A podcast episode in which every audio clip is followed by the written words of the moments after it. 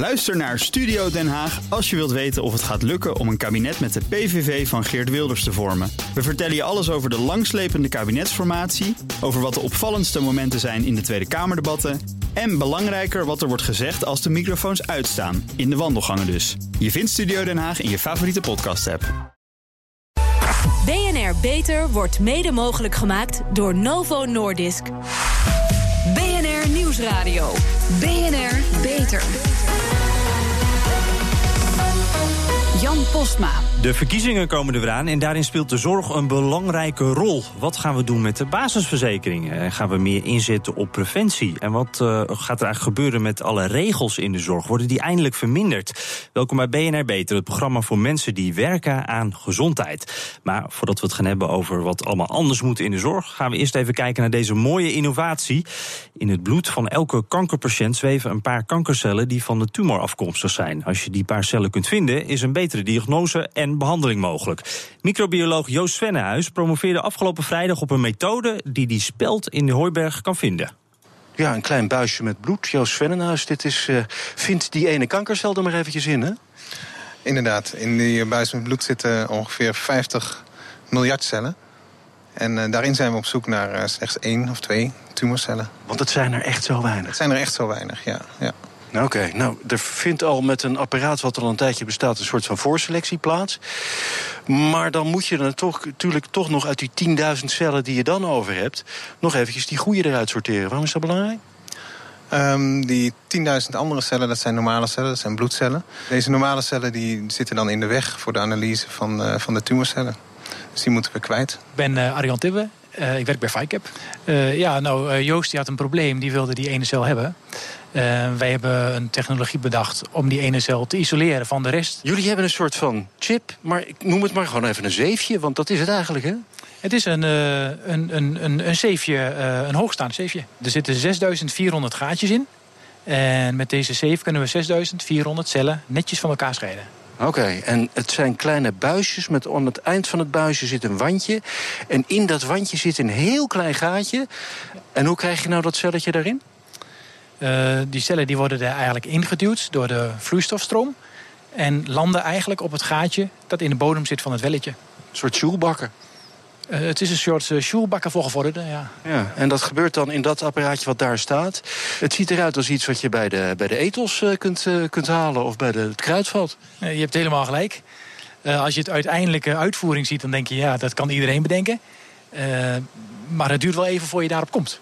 Het zit hem in een chippy en de combinatie chippy, naald, combinatie bloed... ja, dat moet geoptimaliseerd worden. Hoe kom je er dan achter welke cellen niet deugen? Um, we hebben de cellen van tevoren hebben aangekleurd met uh, uh, specifieke markers tegen de tumorcellen en ook specifieke markers tegen de witte bloedcellen. Uh, hieraan kunnen we ze dus positief en negatief herkennen. we kunnen dan de juiste cellen selecteren en deze uit het chipje prikken. Ja, die prikken we uit het chipje. Nou ja, Letterlijk? Ja, met een naald. En ik noemde het een uh, shoelbak, maar jullie noemen hem een? Wij noemen het de puncher. Want je puncht hem eruit, het, uh, het ene celletje. Ja, nadat de cellen erin zijn gesjoeld, punch je we de cellen eruit. Nou heb je je ene cel, Joost. Wat, wat, wat kun je daarmee? Um, nou, er zijn op dit moment uh, in vrij rap tempo nieuwe medicijnen op de markt aan het komen. Deze uh, medicijnen zijn heel specifiek. Dus die zijn heel erg specifiek gericht op, op die ene mutatie. we moeten dus ook precies weten dan welke mutatie er aanwezig is in die cellen. Zodat de patiënten heel gericht behandeld kunnen worden met deze nieuwe medicijnen. En dan kun je dus met een buisje bloed zeggen van u heeft, uh, nou ja, dit is het. Ja, en als het goed is kunnen we daar dan ook uh, direct uh, de behandeling bij vinden. Ja, is het slechte nieuws en het goede nieuws in één keer. Inderdaad, ja. Joost Svennehuis, microbioloog aan de Universiteit Twente... en Arjan Tibbe van het bedrijfje VCAP. Ook vast erg goede schoolers. BNR Nieuwsradio. BNR Beter.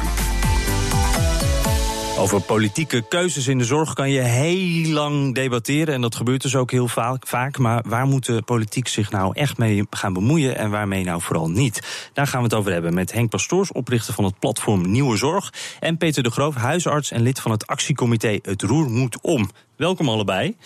Dank je wel. Uh, Henk Pastoors, om maar even met u te beginnen. Platform Nieuwe Zorg. Wat doet u precies? Ja, dat is eigenlijk een platform wat al heel lang bestaat. En wat we proberen, zeg maar, om actuele issues op het podium te krijgen. En dat zeg maar aan de voorkant, op een positieve manier. Dus vooraf? Vooraf. En de beeldvorming rondom uh, de zorg is natuurlijk dat het vooral met kosten te maken heeft. Maar je zou ook kunnen denken aan uh, in termen van opbrengsten over de zorg. Mm -hmm. Nou, wat ontzettend leuk is. Ik heb hier even een lijstje uh, voor me liggen wat we eigenlijk de afgelopen jaren hebben gedaan. We doen dat samen eigenlijk altijd zeg maar, met, een, met een partij die ons daarin ondersteunt. In dit geval is dat de EPFI. En wat is maar, nou het grootste wat u heeft bereikt, waar u echt trots op bent? Nou, dat is, dat is een bijeenkomst met het Zorginstituut Nederland die zich verbindt uh, publiekelijk uh, uh, met, met de farmaceut. We hebben met de KPMG een themabijeenkomst gehad over de opbrengsten van de zorg. Mm -hmm. Dat zijn echt wel onder, onderscheidende activiteiten. Ja. En wat ik ontzettend voor Michele Manto, die is daar algemeen directeur vind pleiten, dat hij gewoon zegt: je moet het gewoon gaan doen. We moeten ja. samen die positieve agenda van die zorg gaan vormen. Dus ook niet te veel praten, maar uiteindelijk ook gewoon tot actie over. Zeker. Peter de Groof, het roer moet om. Welke kant dan op? Wat doet, doet uw actiecomité? Ja, het roer moet om is uh, in ruim twee jaar geleden opgericht. Eigenlijk in de huisartsenwereld aanvankelijk. We hadden een aantal uh, actiepunten, eigenlijk drie. De eerste was gelijkwaardigheid. Het tweede was dat we bureaucratie wilden verminderen en het vertrouwen in de professional wilden vergroten. Daar hebben we in 2015 uh, actie voor gevoerd met, met succes. we zijn nu doorgegaan omdat we eigenlijk vinden dat de politiek open kaart moet spelen over wat voor plannen ze nu met de zorg hebben. Ja, en nu uh, organiseert u samen een politiek debat over de zorg. Wat, wat wordt daar nou de, de belangrijkste discussie? De belangrijkste discussie is eigenlijk uh, om de, uh, de politici die daar aanwezig zijn te verleiden om te zeggen waar ze keuzes in gaan maken. Als politici zeggen de zorg in Nederland mag niet meer kosten dan 90 miljard. Uh, dan betekent het dat je ook een aantal zaken niet meer kunnen. Dus uh, daar willen we gewoon duidelijkheid over hebben. Dat mensen die op 15 maart in het stemhokje staan, mm -hmm. dat die ook weten wat een politieke partij met de zorg eigenlijk aan wil. Henk Pastoors, als ik dan nu kijk naar de zorgprogramma's, uh, zijn die nog niet duidelijk genoeg? Nou, die hebben een hoog abstractieniveau. Uh, het is blijkbaar heel erg moeilijk om zeg maar, duidelijk een profiel te hebben... wat je nou precies wilt met die zorg. Dat is ook een duivelse dilemma. Want ga maar eens zeggen dat je iemand niet meer behandelt... die meer dan 1 ton of 2 ton of 3 ton, 3 ton kost. Wat ik heel erg voor de roergangers vind pleiten, Peter, dat is jouw club... is dat ze eigenlijk zeggen, willen die regie terug in de spreekkamer. Mm -hmm. Dus de arts moet weer aan zet zijn. De arts moet aan zet zijn, maar de politiek moet wel uh, duidelijkheid geven waar zeg maar, de piketpaaltjes staan. En dat is mm -hmm. blijkbaar heel lastig van de politiek, die duikt dan een beetje weg. Althans, dat is mijn interpretatie van de standpunten van de politieke partijen. En mm -hmm. dat is lastig voor die, voor, voor die artsen, maar die worden wel uiteindelijk met die gevolgen uh, geconfronteerd. Dat iedereen denkt dat alles kan. En dat is natuurlijk onzin. Hm. Uh, Peter de Groof, uh, verzekeraars die roepen er al langer om... met het afschaffen van de concurrentie van de basisverzekering. Dat is echt zo'n onderwerp wat uh, ook denk ik een grote ja. rol gaat spelen bij -huh. uw debat. Waarom is dat zo belangrijk? Um ik denk zelf dat uh, concurrentie in de zorg eigenlijk nauwelijks werkt. He, je kunt je voorstellen dat misschien een hele specifieke zorg van starenoperaties of knieoperaties, wat je, uh, dat je zegt, nou, dat kan misschien heel efficiënt en kosten. Is dat een beetje de huistuin- en keukenzorg? Zeg maar, ja, zeg maar wat recht toe recht aan. Dat is gewoon een, een heel makkelijk probleem waar je van A naar B komt. Maar het grootste deel van de zorg, dan speelt het helemaal niet. En uh, dan is het zo ingewikkeld dat je veel meer hebt aan een naadloze samenwerking. En niet iets, uh, een systeem moet opzetten van uh, wat misschien ook uh, soms zorgverleners verleidt om ja, productie te maken of met elkaar te concurreren. Want dat gebeurt nu? Dat gebeurt soms, ja. ja dat merkt u ook in uw dagelijkse werk? Nou, ik denk dat de huisarts dat niet zo merkt.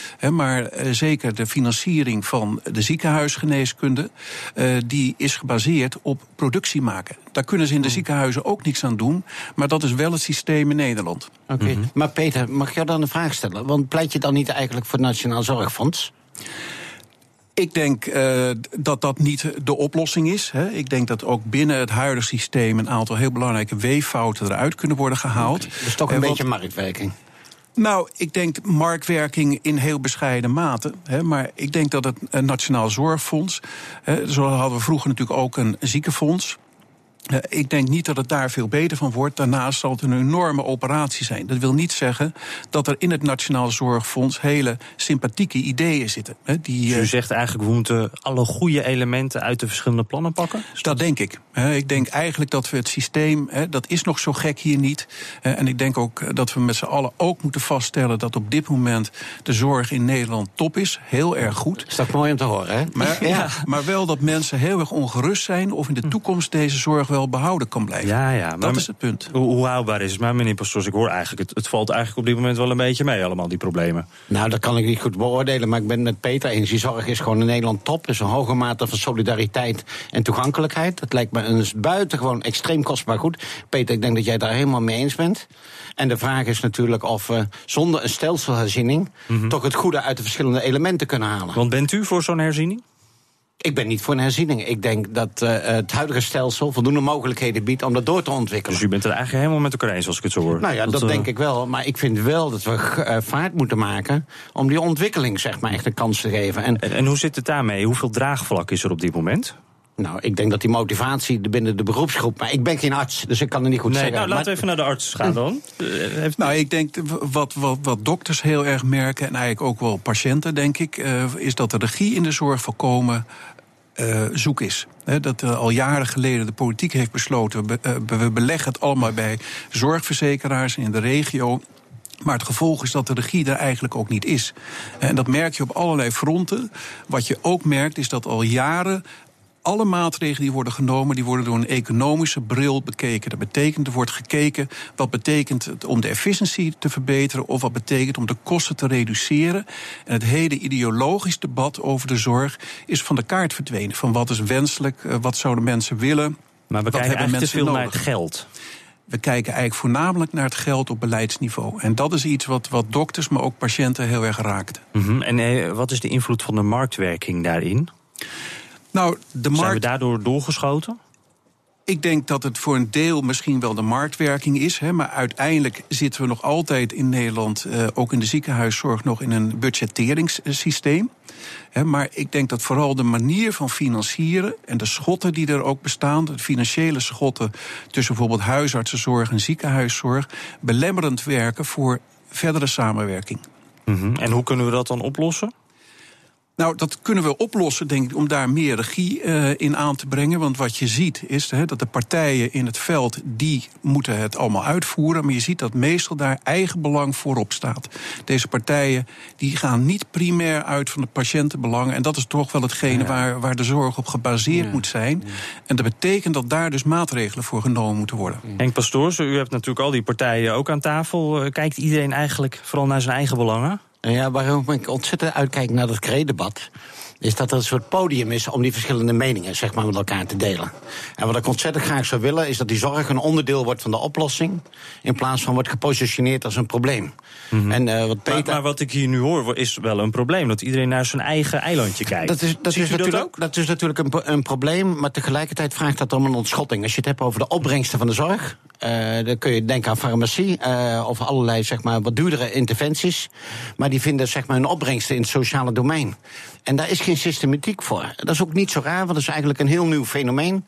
Maar uiteindelijk het toerekenen van de opbrengsten is natuurlijk ook wel echt een taakstelling. Wat wat mij betreft bij de formatieopdracht van het nieuwe kabinet zou horen. Ik weet niet of Peter het daarmee eens is, maar dat is nou, natuurlijk echt, echt wel een lastigheid. Ik ben uh, daar wel mee eens. Hè. Ik denk dat ook de kosten, hè, als je daardoor uh, van de zorg, die worden eigenlijk als een schadelast gezien. Ja, dat, dat is diezelfde economische visie op dingen. Men ziet het als een schadelast, terwijl de zorg natuurlijk heel veel goeds brengt. En kunt u dat dan eens omdraaien, die gedachtegang? Hoe, ziet u, hoe moeten we dat dan gaan zien? Je zou moeten zien dat zorg mensen heel veel oplevert. Gezondheid, uh, aandacht, uh, steun, morele steun.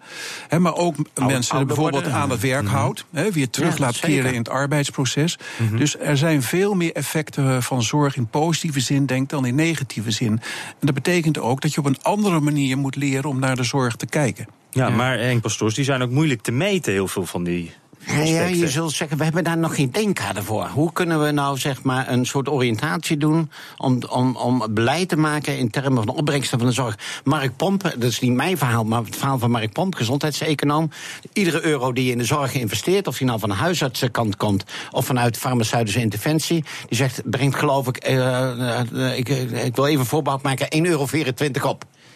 Dat betekent dat gezondheidszorg een buitengewoon eh, zeg maar, eh, economische interventie is. Daar hoor je eigenlijk partijen nooit over. We positioneren het, Peter, ik ben het met je eens, als een schadelast. In die hoek moeten we ons niet laten drukken. Nee, ik denk ook uh, dat aan de andere kant zijn natuurlijk ook ontwikkelingen in de zorg van hele dure geneesmiddelen die op de markt komen. Geneesmiddelen die bijvoorbeeld voor een jaar extra leven 150.000 euro kosten. Dat moet allemaal uit datzelfde budget Zeker. komen. Dus als je 150.000 eh, euro aan één patiënt gaat besteden. Ja. Dan kan je voor patiënten die voor een jaar extra leven bijvoorbeeld Mhm. eh 25.000 eh, euro nodig hebben, dan kan je er zes niet behandelen, omdat je er één 150.000 Maar, gaat maar wat u nu doet is toch het ultieme eh, berekenen van het efficiënt willen doen en met cijfertjes het beredeneren? Nee, wat ik hiermee wil eh, zeggen is dat door die hele hoge kosten die nu ontstaan, door, door hele dure technieken en geneesmiddelen, zal de politiek nu keuzes moeten maken. En dat is eigenlijk een maatschappelijk Ja. debat wat daarvoor moet Maar plaatsvinden. dat ben ik met Peter eens. Dat is echt, dat is echt een ultieme vraag aan de politiek. Wat gaan we daarmee doen? Ja, daar gaan we het zo ook nog even verder over hebben. Wat gaan we daarmee doen? En ook alle regels, formulieren en afvinklijstjes... die zorgen voor een hoop ergernis bij de zorgprofessional. Tenminste, ik kijk even rechts van mij. Ja, Ja, dat Ja. is een, ehm, natuurlijk een groot kwaad in, ehm, in de zorg, maar ik denk helemaal in Dat de snap hele ik wel dat jij publieke... dat zegt. Goed, een groot kwaad. Welke kunnen weg en wat levert dat op? BNR Nieuwsradio. BNR Beter. Voor elke patiënt moet een heleboel formulieren en afvinklijstjes worden afgewerkt. Dat is een hoop werk voor de zorgprofessional. En die heeft daardoor weer minder tijd voor de patiënt. Zijn al die regels echt wel nodig? Daarover praat ik verder met mijn gasten. Henk Pastoors, oprichter van het platform Nieuwe Zorg. En Peter eh, de Groof, huisarts en lid van het actiecomité Het Roer Moet Om. En Peter de Groof als eh, eh, ja, praktijkdeskundige, moet u het maar even uitleggen. Hoeveel last heeft u als huisarts nou van die bureaucratie? Is dat echt zo erg? Ik denk dat eh, wij daar net als vrijwel iedereen in het publiek domein eh, nog altijd veel last eh, van hebben. Ook al zijn er maatregelen twee jaar getroffen om, om deze last te verminderen. Maar in zijn algemeenheid zal een dokter al gauw 25, 30 procent van zijn tijd kwijt zijn met bureaucratische handelingen. En om wat voor dingen gaat dat dan? Het gaat om het invullen van eh, formulieren, het aanvragen van machtigingen, het eh, verwerken van allerlei gegevens, het eh, opgeven van allerlei kwaliteitsonderzoeken, van dat je dat uitzoekt in je praktijk en dat allemaal noteert. Nou, zo kun je nog wel doorgaan, hè, maar ongeveer een kwart tot een derde van de tijd zal een dokter aan dit soort activiteiten besteden en die gaan ten koste van de patiëntencontacttijd. Ja, Henk Pastoors, kunnen we dat ook breder eh, bekijken? Hoeveel zou het nou schelen aan kosten bijvoorbeeld... als die regels wat worden ingeperkt? Ik vind het heel moeilijk om te duiden, omdat Edith Schippers volgens mij een half jaar geleden, kijk Peter even aan, heeft aangegeven dat een gedeelte eh, van de bureaucratie ook door de instituties zelf wordt veroorzaakt. En ik ken ook huisartsen die lijden er helemaal niet onder. Ik ken huisartsen die er heel erg onder gebukt gaan. Dus ik vind het heel moeilijk om daar Eh, Maar echt een gaat het dan ook om adequate een beeldvorming be- eh, van te beleving eigenlijk? Dat de een gaat er anders mee om dan de ander? Of? Nou, het- is misschien ook wel een stukje beleving, maar het is ook feitelijk echt wel tijd. Bijvoorbeeld wat nog veel schrijnender kan, bijvoorbeeld bij, bij jeugdpsychiaters. Hè, die hebben te maken met uh, verplaatsing van de jeugdzorg naar de gemeente, met soms wel 20, 30 gemeenten. Ja, dat is en die zo. kunnen wel 60, 70 procent van hun tijd kwijt zijn met Om aanvragen indienen bij de gemeente. Ja. Nou, dat kan nog te niet, dat kan Dat is krankzinnig. Ja, ja, dat is en er stond vorige week een stuk in het, uh, in het blad Medisch Contact van een chirurg die had uitgerekend dat als je bureaucratie substantieel terugdringt, en dan kan dat miljarden opleveren en daarnaast ook heel veel tijd wat de dokter aan de patiënt kan besteden, of de verpleegkundige of de ziekenverzorgende, hè, want daar, die moeten ook allemaal veel bureaucratische handelingen verrichten. En nou is deze oproep al vaker gedaan hè, om die bureaucratie te verminderen. Eh, hoort u nou ook eh, reacties uit de politiek? Wordt daar aan gewerkt?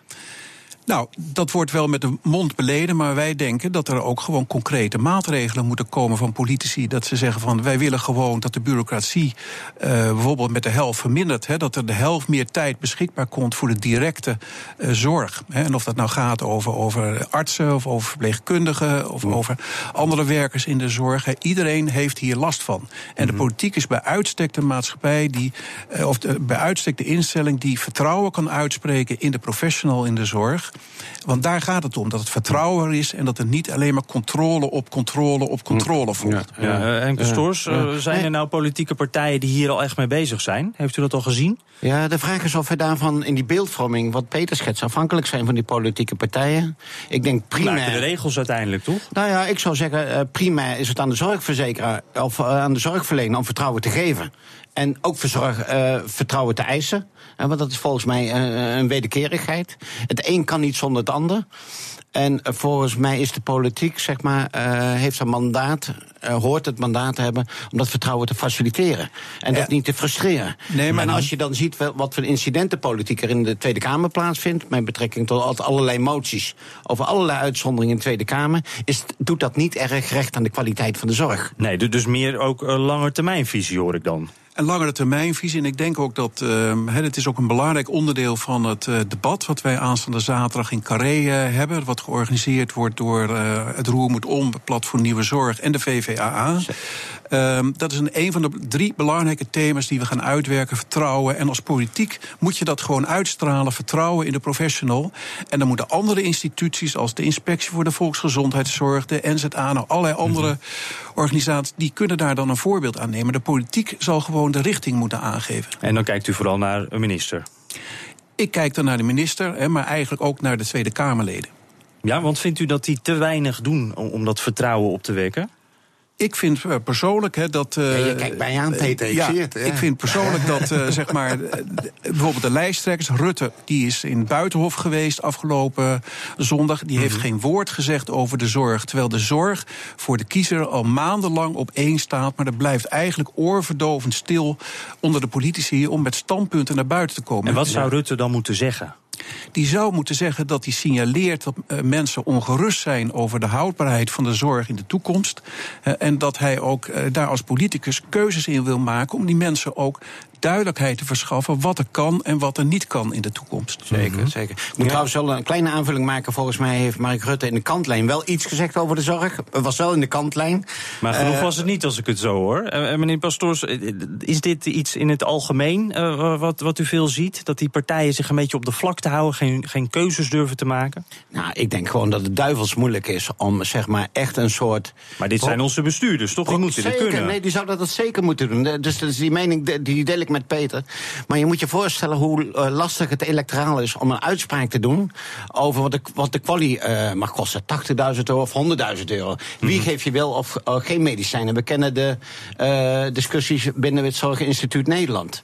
Het zijn echt hele grote maatschappelijke thema's waar we gewoon nieuwe mm -hmm. antwoorden op moeten vinden. En daarom ben ik zelf heel erg blij met dat zorgdebat. We samen dan inderdaad met VVV, VVVA, met Roermondom mm -hmm. en met EFI organiseren. Want daar hoort het thuis. Ja, zeker. Wat ook op dat debat thuis hoort, dat komt ongetwijfeld voorbij. Uh, uh, ja, dat gaat over het tabaksbeleid. Vorige week werd bekend dat nu ook het Nederlands tijdschrift voor geneeskunde, de wetenschappelijk tijdschrift, uh, geld gaat vrijmaken om een deel van de advocatenkosten te kunnen dekken. Ja. Van de advocaten ja. die gaan procederen tegen de tabaksindustrie.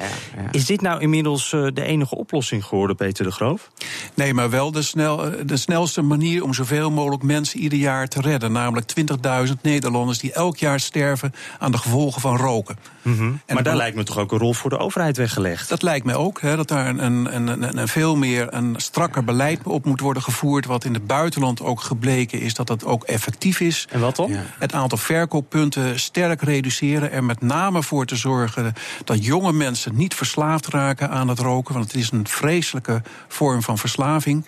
Ja. Uh, en de prijs. Uh, het nog onaantrekkelijker maken. Nog en, verder omhoog. Ja. Lang, nog ja. verder omhoog. En zit u dan aan een bedrag te denken? Hoeveel, want het is al zo duur, toch?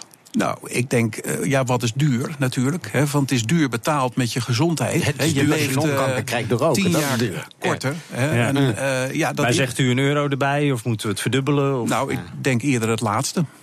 Ja. Verdubbelen van, eh, van het, Ja. de kosten van Een sigaretten, Ja, ja, ja. ja. Wat bent ik zelf een ontzettend leuke ontwikkeling bij IKEA. Die pleit daar erg voor een eh, gezondheidsprofiel. Hè? En ik, ik kan mij voorstellen dat er een keten eh, eh, op staat. Een Albert Heijn of een Lidl of welke keten ook. Die zeggen, wij stoppen gewoon met het verkopen van tabak. Mhm. En dat, eh, dat is een maatschappelijk appel, daar heb je de politiek niet voor nodig. En eh, ja, tenslotte, meneer Pastoors, waarom gebeurt dat nog niet? Is die tabaksindustrie zo machtig? Eh, ik denk dat het een soort maatschappelijke urgentie en een soort maatschappelijk ongemak. Dat het gewoon not done is om, om, om dit soort dingen te blijven doen. Ja, eh, Peter de Groof? Ja, ik denk zelf dat daar een hele machtige lobby zit. eh, ik- denk in elk land van, van deze industrie. Er zal ook werkgelegenheid wel een rol bij spelen, maar ook geld. Hè, want dit speelt al nou, e- 30, 40 jaar hè, het verzet tegen het roken als het niet langer is. Eh, en het gaat zo en zo langzaam. Daar zitten grote andere belangen achter. En Maar Peter, we hebben op heel veel onderdelen die politiek toch helemaal niet nodig. We kunnen het gewoon zelf beslissen. Met maatschappelijke zeg maar, ontwikkelingen en bewegingen. Kunnen we gewoon een quote maken. Wij willen, wij willen die rommel niet meer in de supermarkt. Nou, ik denk inderdaad dat het van onderaf moet gebeuren. Hè. Dat is eh, met alles wat er denk ik ook nu eh, tegenwoordig in de maatschappij gebeurt. Dat je niet moet wachten of de politiek wel of niet in beweging komt. hè, maar dat je doen. zelf het moet doen en zelf die initiatieven moet nemen. Mooi. Ik weet trouwens niet of Mark Rutte rookt. Weet u dat? Nee, geen Oh, idee, dat is hè? een stoute vraag. Ik weet Geen het idee. gezegd. Nou, in ieder geval dank eh, Henk Pastoors, oprichter van het platform Nieuwe Zorg... en Peter de Groof, huisarts en lid van het actiecomité Het Roer Moet Om. We zitten alweer een tijdje in een eh, flinke griepgolf. Van alle kanten is er flink gesnotter en gehoest te horen. En vaak voel je die griep of verkoudheid al eerder aankomen. Maar is hij dan nog te stoppen? Redacteur Frederike Mol zocht het uit.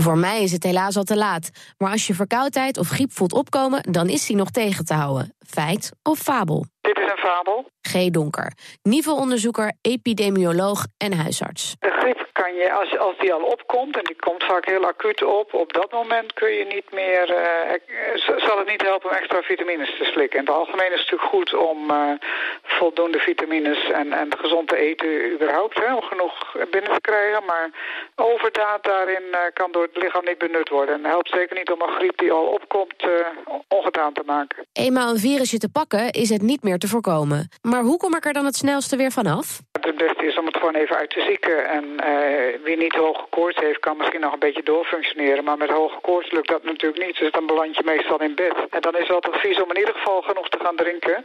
Rust en genoeg slapen is ook belangrijk. Voorkomen blijft natuurlijk altijd beter dan genezen. Hoe zorg ik ervoor dat mijn snotterende collega's me niet besmetten? Hygiëne, genoeg handen wassen, met name voor het eten natuurlijk. En eh, zakdoekjes die je gebruikt, ook eh, papieren zakdoekjes snel weggooien. Niet hergebruiken en hergebruiken. In je elleboog hoesten en niet aan je handen. Met je handen niet te veel aan je neus en je ogen zitten. En voldoende rust, toch een beetje. Zorgen dat je, dat je een beetje weerstand houdt en hebt. Kortom, let op de hygiëne, neem genoeg rust en hou je weerstand goed. En dan kan je de griep zo verslaan. Ja, een stukje participerende journalistiek van Frederik. Beterschap, Frederik. En tot zover deze uitzending van BNR Beter. Op bnr.nl slash beter kunt u hem helemaal terugluisteren. En we zitten ook op Twitter. Dus BNR Lifestyle. Tweet ons met tips of vragen. Laat het ons weten. Mijn naam is Jan Posma. Volgende week is Harmke Pijpers er weer. BNR Beter wordt mede mogelijk gemaakt door Novo Nordisk. Bij BNR ben je altijd als eerste op de hoogte van het laatste nieuws. Luister dagelijks live via internet. Bas van Werven. En heel langzaam komt de zon op rond dit tijdstip. Je krijgt inzicht in de dag die komt op BNR, het Binnenhof in Nederland en de rest van de wereld. De Ochtendspits. Voor de beste start van je werkdag. Blijf scherp en mis niets.